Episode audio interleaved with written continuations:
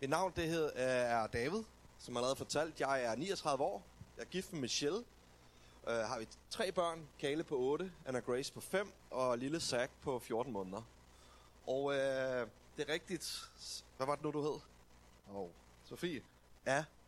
Uh, som Sofie sagde, uh, vi, er lige, vi er lige flyttet til Kolding her i sommer, efter at have boet 15 år i Aalborg, hvor jeg også kender Kasper og hans bedre halvdel uh, fra. Og vi har været sammen deroppe og ja, været kirke og bare været sammen.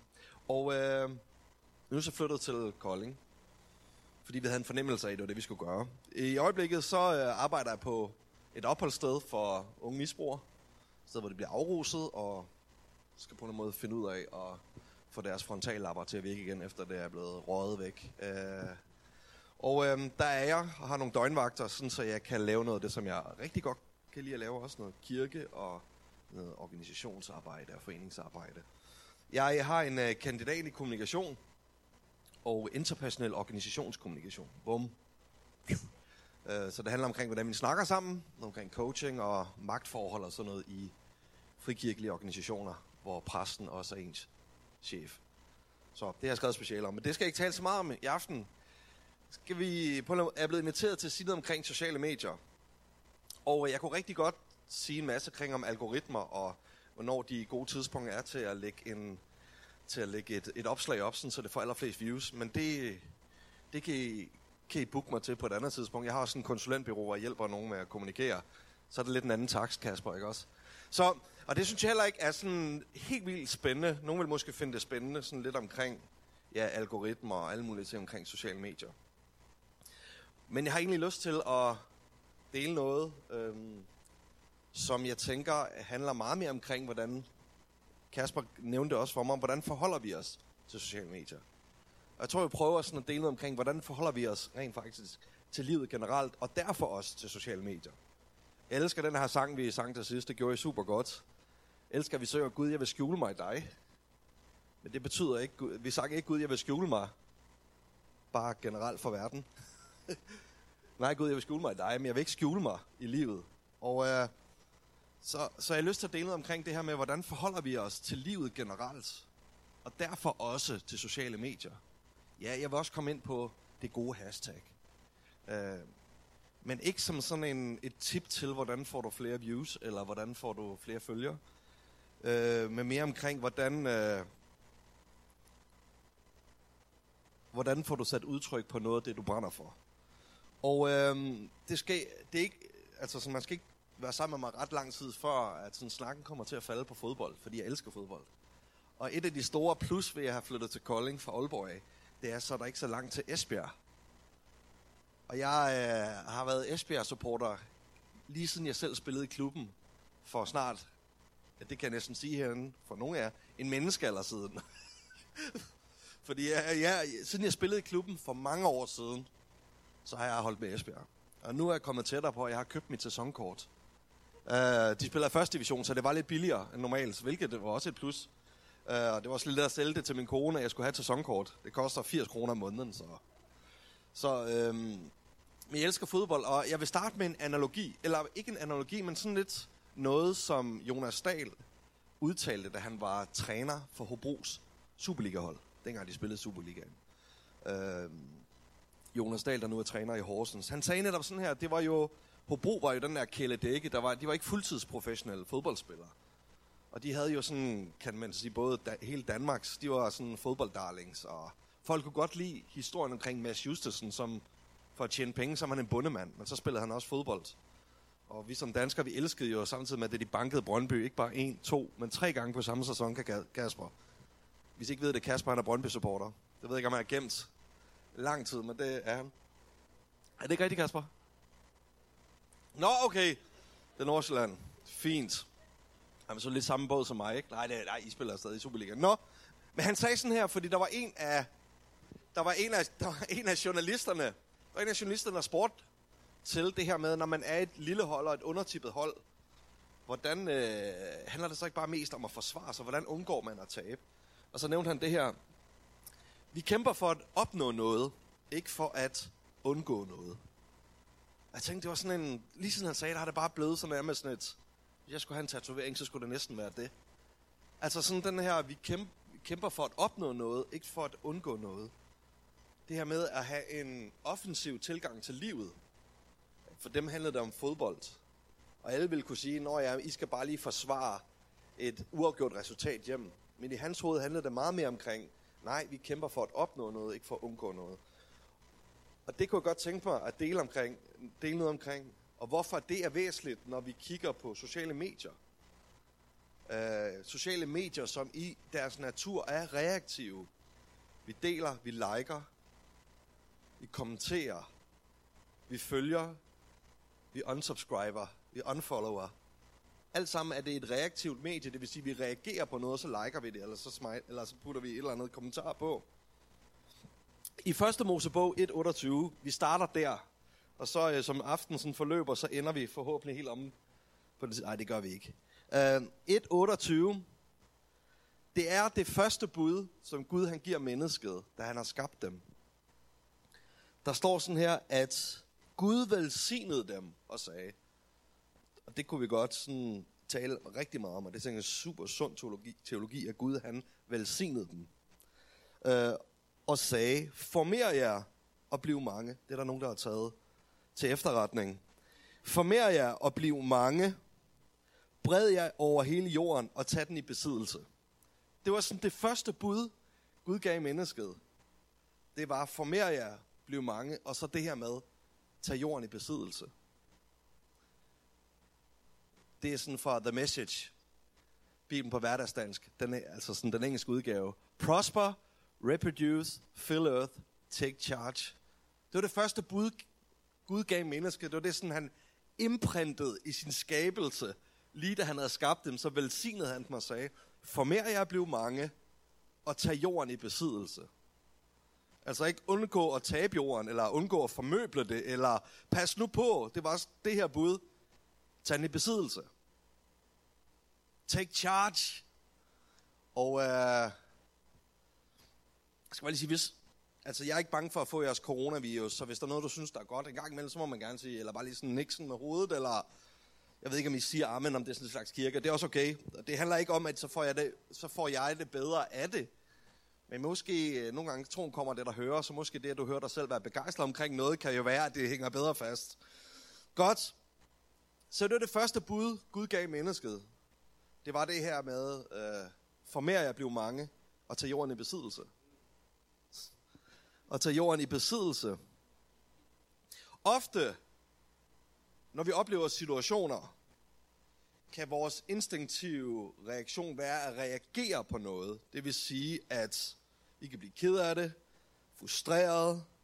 Uh, som jeg sagde før, vi liker, vi deler, vi sletter, vi blokerer, vi informerer, vi inviterer. Altså, vi reagerer på noget, som andre lægger op. Og det er jo de sociale mediers MO, modus operandi. Det er sådan, det oftest fungerer at de sociale medier er et reaktivt medie, hvor vi er på for at like, dele noget, som nogle andre lægger op. Og øh, jeg voksede op i en kirkekultur tilbage i slut 90'erne. Er der nogen, der er født i nullerne? Nej, det vil jeg ikke engang sige. Øh, ikke fordi det er skidt. Det får mig bare, altså hvis du sagde ja, så får det mig bare til at føle mig endnu ældre. Men jeg voksede op i slut, nullerne, eller slut 90'erne, i starten af 0'erne. Jeg var faktisk til en ungdomskonference i 1999 her i kirken, øh, omkring ny generation, som var sådan en studenterbevægelse. Øh, sådan en kristen studenterbevægelse. Sådan en karismatisk pangdang til KFS. Og øh, vil, ja, KFS er genialt. Øh, men jeg voksede op i en kirkekultur, som var meget reaktiv. Det handlede meget omkring at passe på verden. Vi skal passe på, at den er farlig.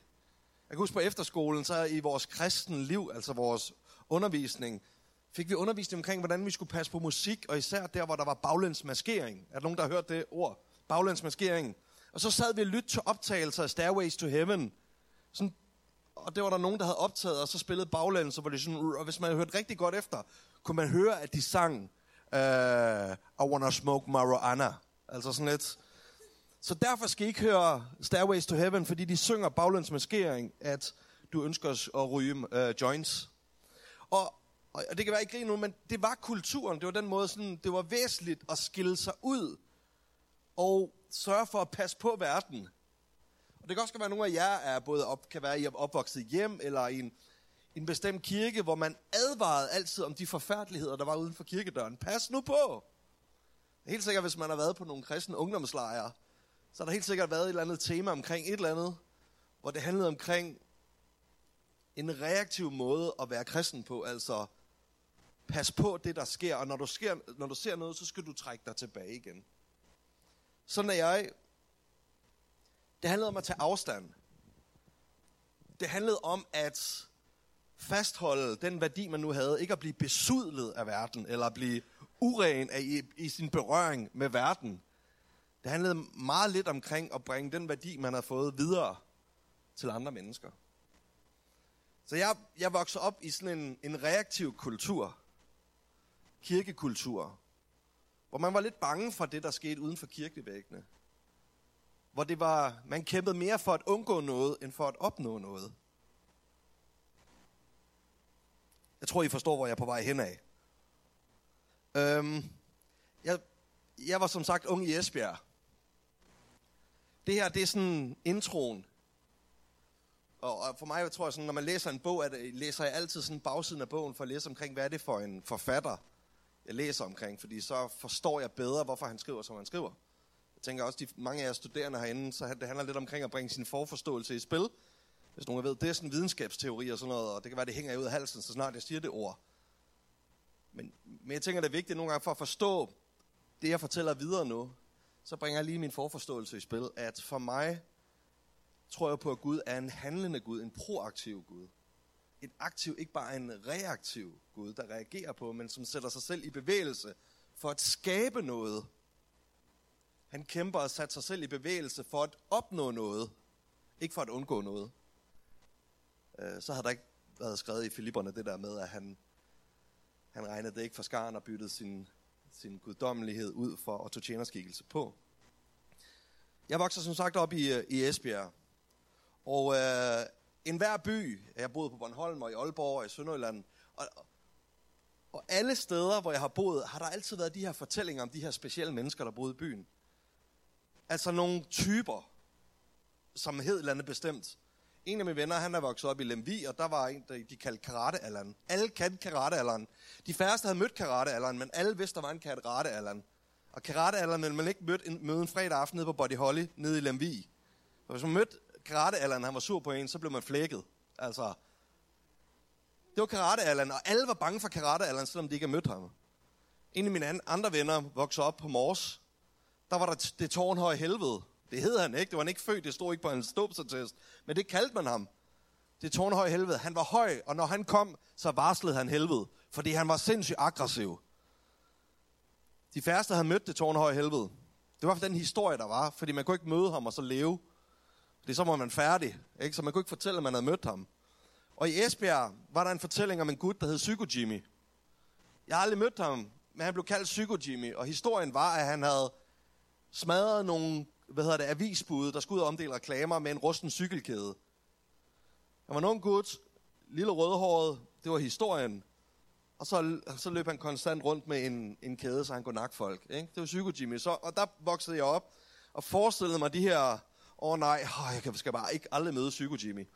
Og, øh, og det gjorde jeg selvfølgelig en dag, hvor jeg var på vej hjem fra fodbold sammen med min gode ven, Kim. Han er stadig min gode ven, selvom jeg efterlod ham, fordi han havde en dårligere cykel og dårligere form end mig. Så lige pludselig, så, siger, så råber Kim, der kommer Psyko Jimmy! Og før jeg ved, så er jeg bare, jeg er jorder afsted. Fuldstændig ligeglad med Kim. Altså det er bare, jeg skal hjem, og jeg kan bare huske, hvordan jeg jorder hjem, smider cyklen, løber ind på vær- værelset, kaster mig ned, og så lige så stille rejser mig op og sådan kigger ud af patienterne, for at se om Psyko Jimmy, han ikke er fuldt efter mig. Øhm, det gjorde han ikke, og Kim han overlevede også. En hver by har sådan nogle Især hvis man er vokset lidt op i provinsen. Det ved jeg ikke, om man vil kalde Odense, men en hver by har sådan der historier. Det kan også hedde noget andet. Og et andet sted, jeg kender en, der hedder øh, Indianerbrian, ikke?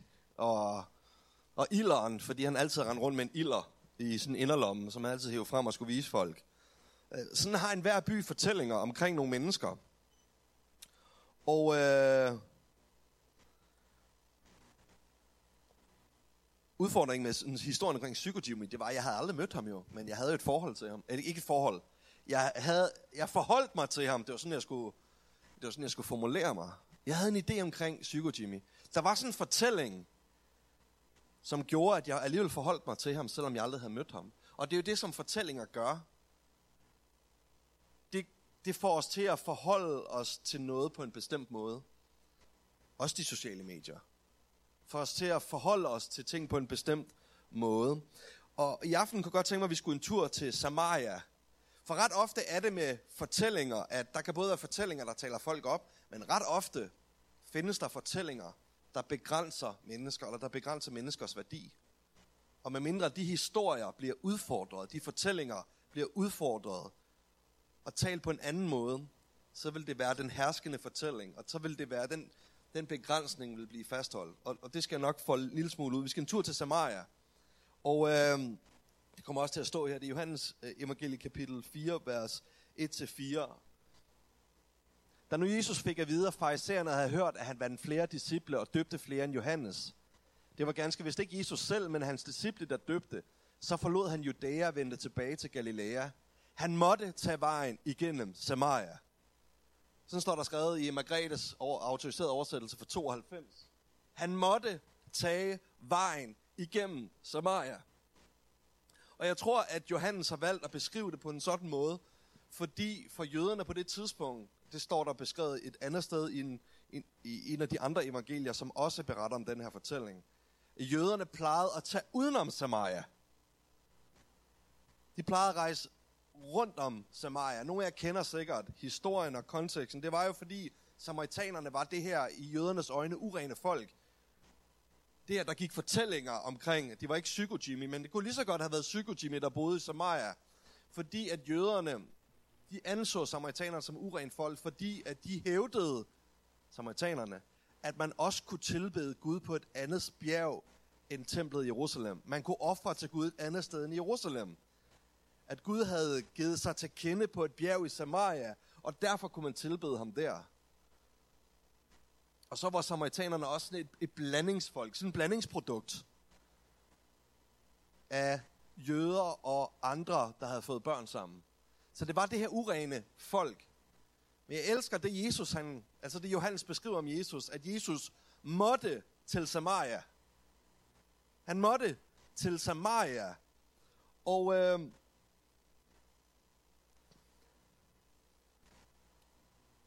der var en fortælling, og jeg ved ikke, nu, nu, nu gætter jeg selvfølgelig på en måde, men vi kan læse i beretningen senere hen, at disciplene er forundret og forbavset, måske chokeret over, at Jesus han befinder sig i Samaria, hvor han ordentligt købet taler med en kvinde med brønden.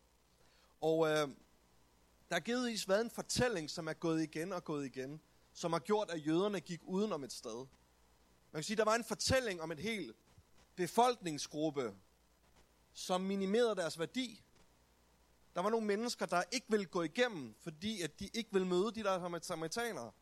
Jeg tror, jeg fattede pointen, eller undskyld fattede, det lyder sådan meget degrading, men jeg tror, I fangede pointen, at der er fortællinger, der fastholder folk i et fangeskab. Og med mindre de bliver udfordret, de fortællinger, så fastholdes mennesker i det fangeskab. Ligesom Psycho Jimmy, Karate Allan og det tårnhøje helvede, og hvad de ellers hedder. Her står der om Jesus, han måtte til Samaria. Han skulle den vej igennem.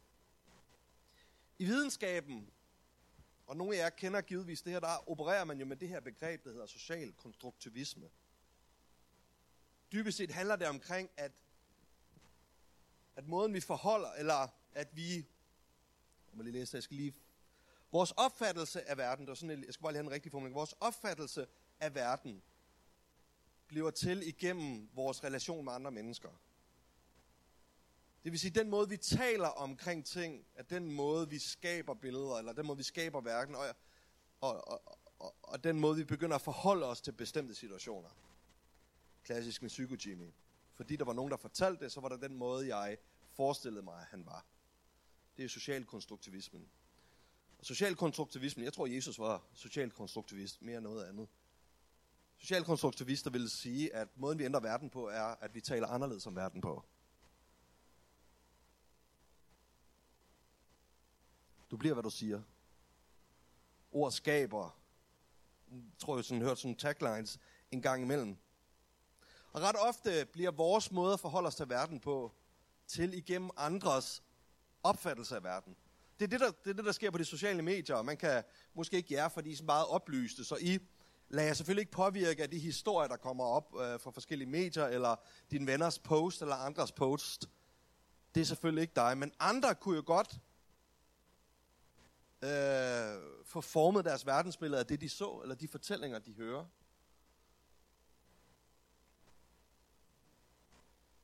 Vi ændrer verden, når vi taler anderledes om den. Det betyder ikke, at der ikke lige pludselig findes bjerge eller hunde eller et eller andet, fordi vi taler om, at der ikke findes hunde.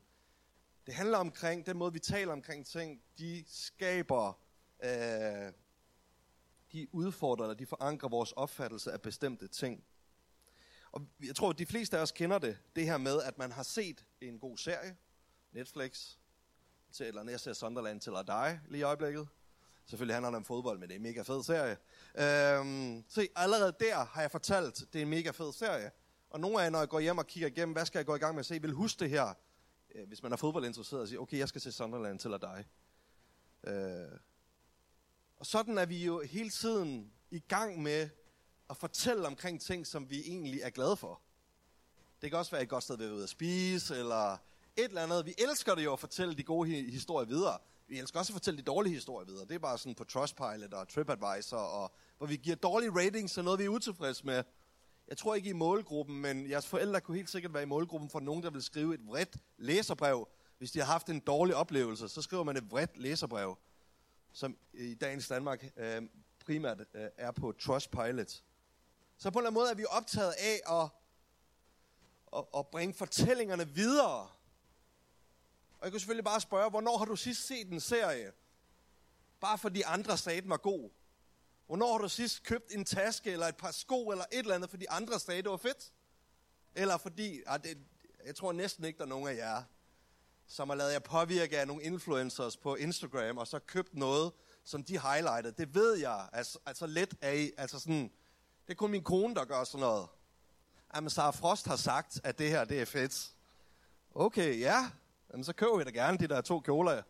Øh, jamen, Sara Frost har sagt, eller, og du kan ikke huske mere, så Sara Bro, men det er noget andet. Hun bruger ikke så mange kjoler.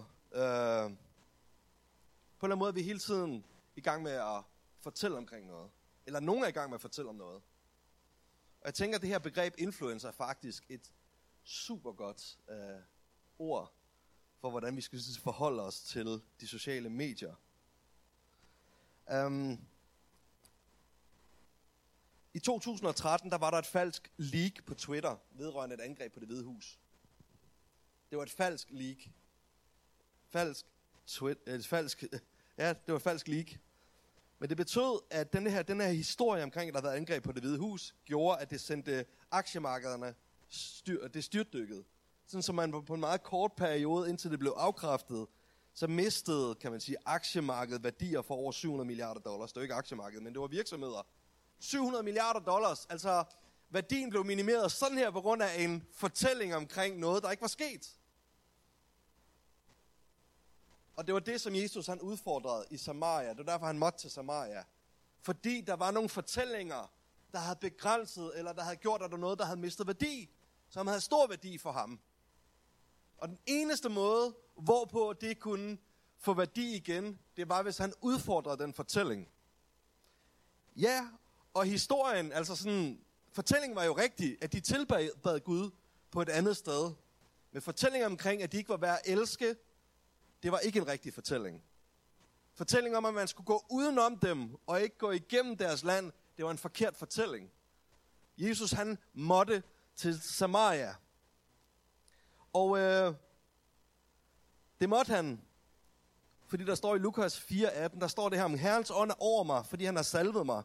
Han har sendt mig for at bringe godt budskab til fattige, for at udråbe frigivelse for fanger og syn til blinde, for at sætte undertrykte i frihed, for at udråbe et noget over for Herren. Derfor måtte han til Samaria, fordi der var nogen, der levede undertrykt på grund af den fortælling, der var om dem. Og den eneste måde, de kunne blive sat i frihed, det var, at Jesus skulle til dem. Han måtte til Samaria. Der var noget værdi, der var blevet minimeret. En anden bare sådan en fun fact, det var, før Døden skab-filmene kom ud og blev launchet, så var der ikke særlig mange, der havde et problem med hajer. Men efter den film blev launchet, var der en hel generation, der blev redselslagen for hajer.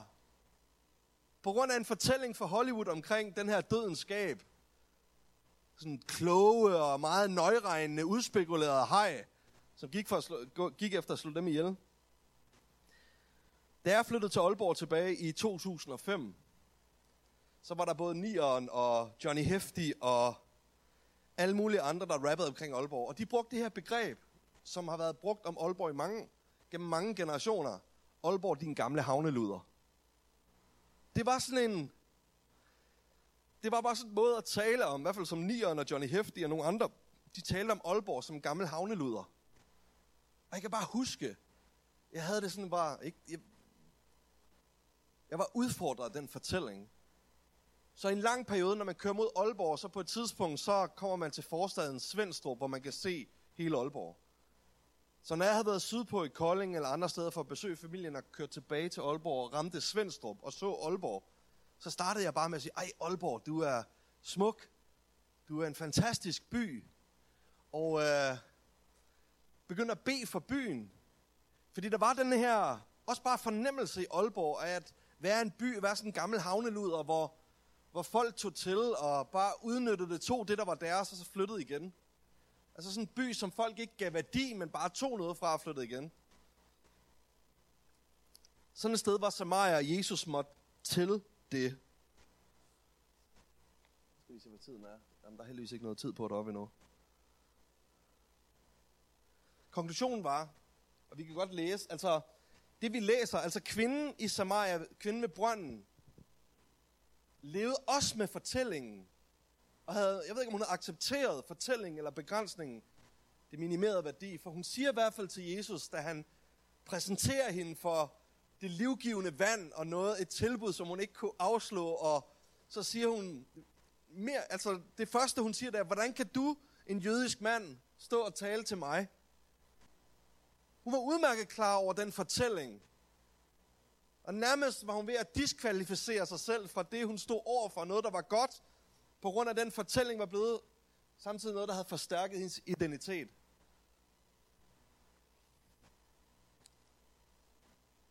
Sådan kan der være befolkningsgrupper, som er udmærket klar over, eller segmenter, mennesker, der er udmærket klar over, at de ikke er værdifulde, fordi det er det, fortællingen taler om dem. Det må være sådan, som Brøndby-fans, de har det. Jeg startede den fortællingen. Ja, og det kunne jeg godt gå ned i, sådan omkring alle de der sange, smedesange, jeg har hørt på Aalborg Stadion. Ikke på Esbjerg Stadion, fordi der kan de ikke finde ud af at synge det samme samtidig. Der er ikke sådan en helt vildt udpræget fankultur endnu. Men noget omkring Jesus, som jeg tænker øh, inspirerer os og viser et eksempel for, hvordan vi skal forholde os til sociale medier, som mere end noget andet sted er et sted, hvor man kan fortælle udfordringer fortællinger, skabe nye fortællinger, hvor man kan være proaktiv at bringe sig selv øh, fra en defensiv rolle til en offensiv rolle. Han ankom, han trådte tæt på. Havde det her været tilbage i 90'erne, og øh, så tror jeg, hvis man havde mødt... Ej, jo, så havde man måske mere fokuseret på, jeg ved ikke lige, hvordan jeg lige skal få sagt det her. Da jeg flyttede til Aalborg, der er et karneval i Aalborg. Og øh, det er der stadigvæk Nordeuropas største. Der var der en fortælling i kirkerne omkring måden, man sådan forholdt sig til det langt de fleste steder. Det var at give folk råd, tag ud af byen den dag. Det er et forfærdeligt sted. Det er et forfærdeligt fest. Folk de har sex i gaderne. Øh, de drikker sig fuldstændig for sans og samling. Og vi kan mærke den der åndelige kamp, der er når karnevalet er i byen. Det var fortællingen. Det der med, vi er opmærksom på, der sker noget, der er forfærdeligt. Men du, altså det bedste, vi kan sige til dig, det er, tag ud af byen. Og det var der mange, der gjorde. Tog Jesper Hus Blomsterpark og tog i Rønbjerg Feriecenter. Lidt ligesom øh, Jehovas vidner juleaften. Der er masser af Jehovas vidner juleaften i Rønbjerg Feriecenter. Alle mulige steder. For at komme væk fra de der højtider der. Og sådan, sådan var rådet også. Kom væk fra de der steder der. Og, øh, men Jesus tilgang, det var anderledes. I mødet med de her historier, der begrænsede mennesker, eller der havde minimeret folks værdi, så trådte han helt tæt på og udfordrede historien. Trådt helt tæt på. Og jeg tror, de, jeg ved ikke, om de fleste herinde vil sige, at de er kristne. Det tror jeg nu nok. Når vi sådan lærer Gud at kende og bliver fyldt af hans ånd, der står omkring det der, at Helligånden flytter ind, eller Guds ånd tager bolig i os. Der står omkring Helligånden, at det er en opstandelseskraft. Den samme ånd, som rejste Jesus op for de døde, den bor i os. Den ånd, der bor i os, det er sådan en opstandelseskraft. Det er sådan Lukas 4, 18, Herrens ånd er over mig, fordi han har sendt mig. Og en slags ånd. Så den bor indeni. i. Og den opstandelsesånd, eller sådan, den reagerer, når den møder død. Og øh, det her kunne være temaaften en anden aften. Så vi bliver fyldt af Guds ånd, når vi tager imod og bliver frelst. Og så kobler den ånd sig på det Gud, han har kaldet os til. Så i mødet med døde situationer, eller ting, der virker som om, at de er uretfærdige, eller at mennesker er bundet, eller steder er bundet, så reagerer den. Så er det som om, den sådan kommer til live. Jesus gjorde det hver eneste, altså Jesus så skete hver eneste gang i mødet med, at menneskers værdi var blevet minimeret. I mit eget tilfælde bliver det, når jeg hører fortællinger omkring byer, som er øde, som er ødelagte, som lider. Jeg sad og så et program omkring Detroit på et tidspunkt i fjernsynet. Det er to en lørdag aften. Min kone hun var totalt frustreret. Men jeg var simpelthen bare sådan intrigued. Jeg sad og så det. Jeg kunne bare mærke på et tidspunkt, kunne bare mærke, da de fortalte omkring den her by, der havde været en stor by på et tidspunkt, men så led den under en krise. Nu var der kun en tredjedel af mennesker tilbage, og de levede i fattigdom og alt muligt. De fortalte bare omkring den her by. Nærmest, det kunne være Nakskov på Lolland. Sådan, sådan når de også taler om Nakskov på Lolland, som sådan en by, der er ved at dø og død. Når det sker, så har jeg bare sådan, så oplever jeg bare som om, der, at den der opstandelseskraft, den rejser sig i mig. Og jeg stod sådan inde i stuen der en lørdag aften og talte og, og bad for det fjernsyn. Ikke for fjernsynet, men for Detroit. Fordi der var en fortælling omkring det der, der holdt folk i fangeskab. Og sådan vil du opleve det. Og nu siger jeg det til dig, Fornæs. Og når det sker, så vil du huske tilbage på i aften og tænke, okay, nu forstår jeg, hvad der er, der sker. Der var et tidspunkt, hvor du sidder og ser nogle...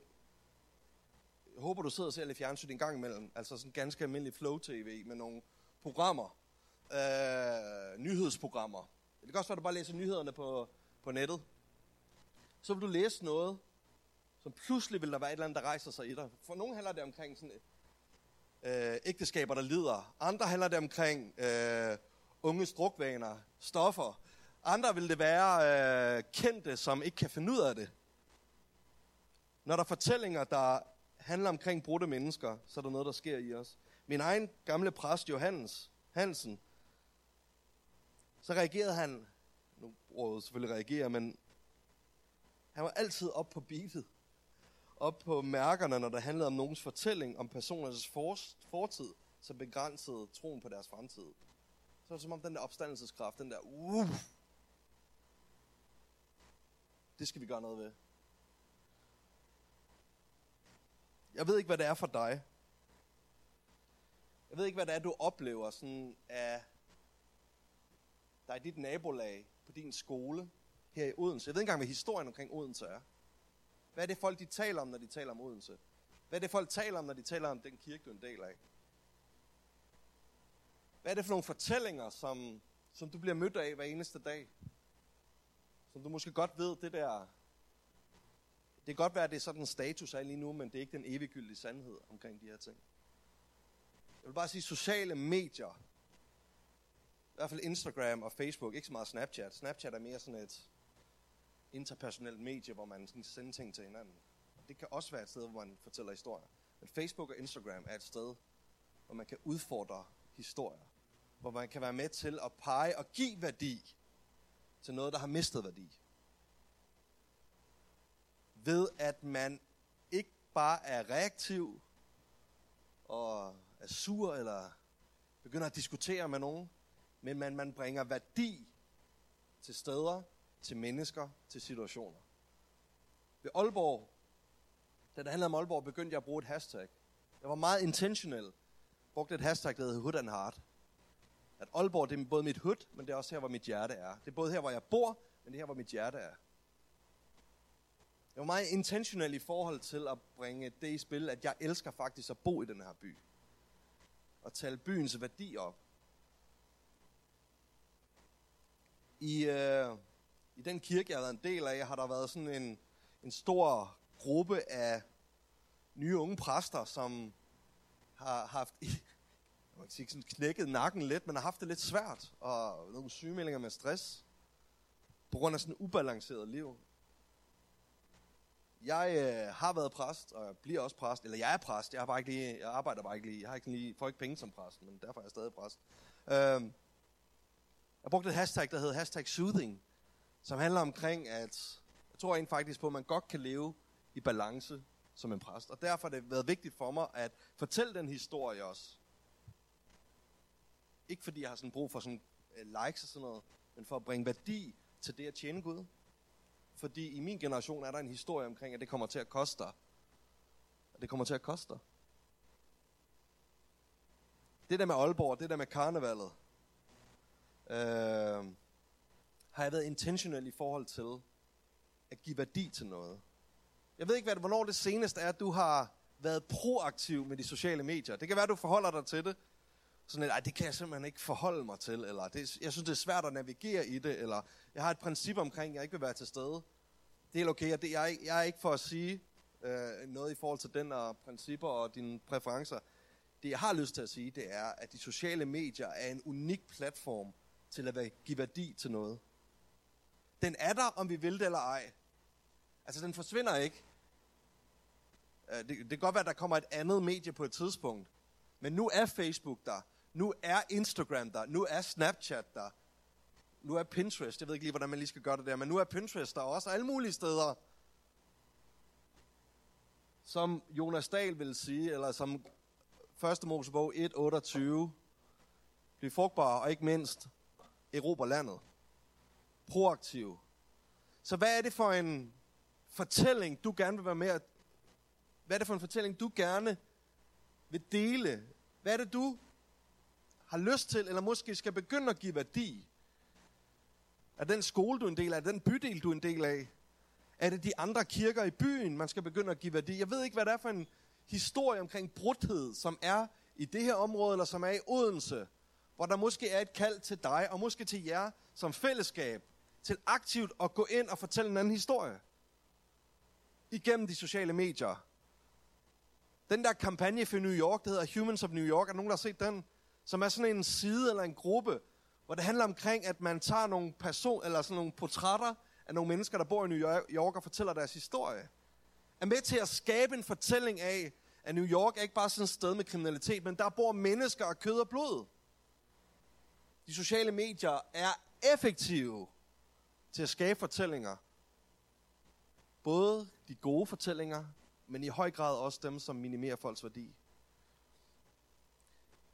Jeg vil være færdig nu. Uh, jeg tror bare, jeg har lyst til at sige til sidst det her. Efterlad os med en udfordring. Efterlad mig selv med en udfordring. Du kan ikke ændre en fortælling, du ikke er villig til at blive en del af. Du kan ikke ændre en fortælling, du ikke er villig til at blive en del af. Og det er ikke sagt som sådan et negativt state. Man kan også, sagt, man kan også have vendt den positivt omkring det her med, at du kan kun du kan ændre de fortællinger, du bliver en del af. Du kan ikke ændre nogle fortællinger, du ikke aktivt bliver en del af. Og nogen, for nogle af jer vil det betyde, at der vil være områder, ikke bare sådan geografiske områder, men kulturelle områder, som du skal blive en del af og associere dig med. Det gjorde Jesus, han gik all in på den del. Disciplerne tænkte, hvad laver du mand? Han måtte til Samaria.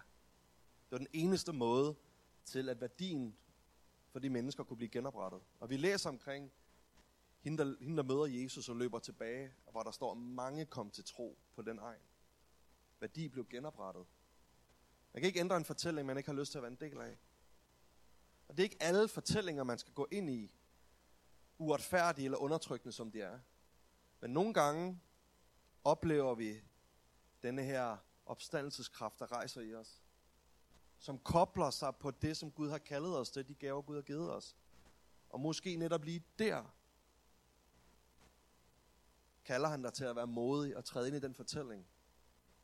Måske til at udfordringen, eller til at tale, til at skabe en ny fortælling om noget. Det tror jeg, nogle af jer skal få lov til at opleve i den tid, der kommer.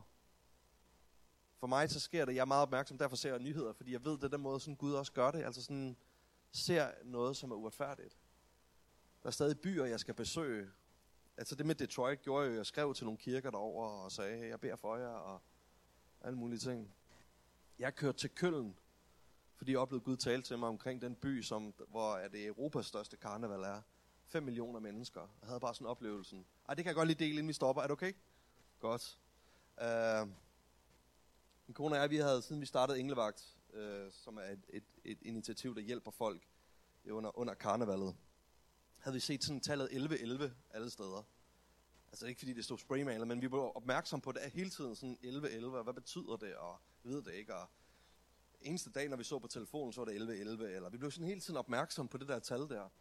Og, øh, og så en dag, så er min kone fornuftig og gudfrygtig, så man er så slået op i bilen, fordi der er en, der sagde, prøv at gøre det ordsprogenes 11.11, hvor der står, de retfærdige spønder for byen til at blomstre. Og så havde jeg bare sådan, åh oh, yes, det er det, altså sådan vi er optaget af.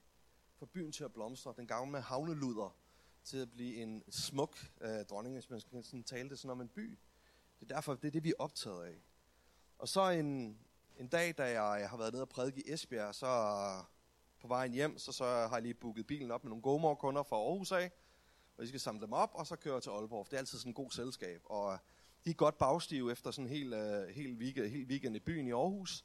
Og der er en tysker, der er en, hvad hedder det, en amerikaner og uh, en englænder. Og på et tidspunkt siger tyskeren her, hey, hvad, oh, og vi, jeg snakker lidt om Aalborg, har I så været med til karnevalet, og la la la, og så kan jeg huske et eller andet om, jeg har hørt, at der er kæmpe karneval i Køln, og så siger jeg så til ham, og jeg har hørt, at det starter, eller karnevalet er i februar, og hele tiden undrer mig, fordi jeg sådan kan huske, hvordan det ser ud i Aalborg, og folk, der ikke har særlig meget tøj på, jeg tænker sådan, er det ikke mega koldt i februar at gå til karneval? Øh, så er han sådan lidt bagsig, og siger, ja, men det, det, starter ikke i, det starter ikke i februar, det starter den 11. 11. 11. kl. 11.11. 11. Og lige da han sagde det, så var det som om, der var et eller andet, der lige... Og selvfølgelig, altså jeg havde det sådan lidt, jeg, jeg ved ikke bare, om det er sådan en tilfældighed, eller det var Gud, der var i det, men jeg kunne bare mærke, at jeg blev sådan så ramt af det, så jeg tog hjem til min kone og sagde, der er et eller andet med køllen, jeg ved ikke, hvad vi skal gøre. Skrev til nogle kirker dernede, og prøvede ligesom at høre, er der nogen af jer, der laver noget under karnevalet, og hvor vi kom ned og besøge jer, og der var ingen, der svarede tilbage. Og øh, så glemte jeg det lidt, der, der var lidt travlt i kirken, og alle mulige ting. Ind, gik der næsten et år, en uge før den 11.11. 11. Så vågnede jeg op i morgen, og havde det bare sådan et, jeg skal afsted. Og så jeg sagde til min kone, jeg kører til, jeg kører til Køln. Øh, på lørdag kører jeg til Køln i fredag kører jeg til Køln. Så er det nede lørdag den 11. 11. Og om søndagen skulle jeg så lede møde i vores kirke. Men jeg kunne lige nå hjem. Så var der sådan et, et tysk par, som kom i vores kirke, nogle par. Samuel og Marie, som, ja, de tog med. Og så tog vi bare derned. Øh, I håbet om at møde nogle mennesker, eller på en eller anden måde Gud ville sådan connecte os med nogle folk, eller et eller andet, men der var masser af folk. Sindssygt mange folk. Øh, største karneval, jeg nogensinde har mødt. Mm. Men der var ikke sådan lige sådan den der tilskyndelse til et eller andet, men vi gik rundt, og vi bad, og så tog vi op på det højeste sted i Køln, og kiggede ud over byen, og bad, og profiterede, og så lige pludselig havde jeg bare sådan en oplevelse af sådan fred, og så sagde jeg til dem, jeg tror, vi skal køre hjem nu. Så kørte vi hjem igen. Jeg ved ikke, om du kommer til at opleve det på den måde. Men det tror jeg, nogen af jer vil komme til. I et eller andet Samaria, der findes her i Odense, i kulturen, i et andet land. Der vil være et eller andet, hvor ånden rejser sig i dig og siger, jeg må til Samaria. Der er en historie, som jeg personligt skal være involveret i at udfordre. Og nogle af jer ved det måske allerede nu, og lige om lidt vil jeg bare bede en bøn, og du må få lov til at opleve det. Når man taler om relevansen af sociale medier, så hvis man er aktiv, hvis man, så er det et rigtig godt sted kan også være fint nok et sted at finde opskrifter og se, hvad alle de andre går og laver. Men det er et mega godt sted til at udforme historier og bringe en fortælling i livet. Her i aften, det var også derfor, jeg tog et billede, og jeg lige kiggede på et billede før. Jeg var lige ved at lave sådan en posten, men det nåede jeg ikke lige. Det gør jeg lige, lige så snart jeg kører. en historie omkring det her sted, omkring for at tale Odense op. Ikke fordi at der er nogen, der taler det ned, men for at tale Odense op. Er der et fedt ungdomsarbejde her i bykirken, og sådan kan de sociale medier være. Men jeg vil bede om, at du må få lov til at opleve, at Gud må lægge det til rette til, for dig, må tydeligt for dig, hvad er det for en historie, du skal være med til at udfordre. Så det vil jeg bede om. Tak, Jesus, fordi at du er vores forbillede her. Ja, tak, at du trådte helt tæt på vores liv og ændrede fortællingen omkring os selv. Den fortælling, vi havde omkring os selv, at vi ikke var værdige nok. I vores pinlige bevidsthed omkring vores egen synd og skam omkring alle de ting, vi ikke formår at gøre. Og måske stadig bærer. Jesus, du er ikke fraværende. Du er ikke afventende, men du er proaktiv her. Jesus, igen og igen, så træder du helt tæt på. Tak, du forlod himlen. You didn't want heaven without us, so Jesus, you brought heaven down. Du bragte det til os, der ikke havde mulighed for selv at nå dig til.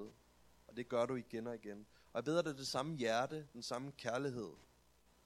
Her må blive født i vores hjerter. Den der opstandelseskraft, som ligger i os, som bor i os, her.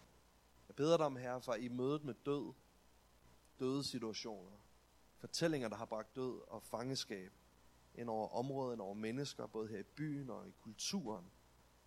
Jeg beder dig, Jesus, her må vi være inspireret, som du var. Som Paulus sagde, til Kristi kærlighed tvinger os. Ikke en eller anden legalisme, eller fordi vi bør, men fordi du er trådt helt tæt på os igen og igen her. Vi elsker, fordi du elskede os først. Beder dig for den enkelte en, som er her i aften. I mødet med Samaria. I fortællingerne om Samaria. Beder dig om, her, om der må være et mod til at turde udfordre de fortællinger. Fortællingen om os, Jesus, det er netop, at det var ikke slut, selvom det så mørkt ud. Ja, det kan være, at vi var skyldige i synd her, men du tog det. I Jesu navn. I Jesu navn. Amen.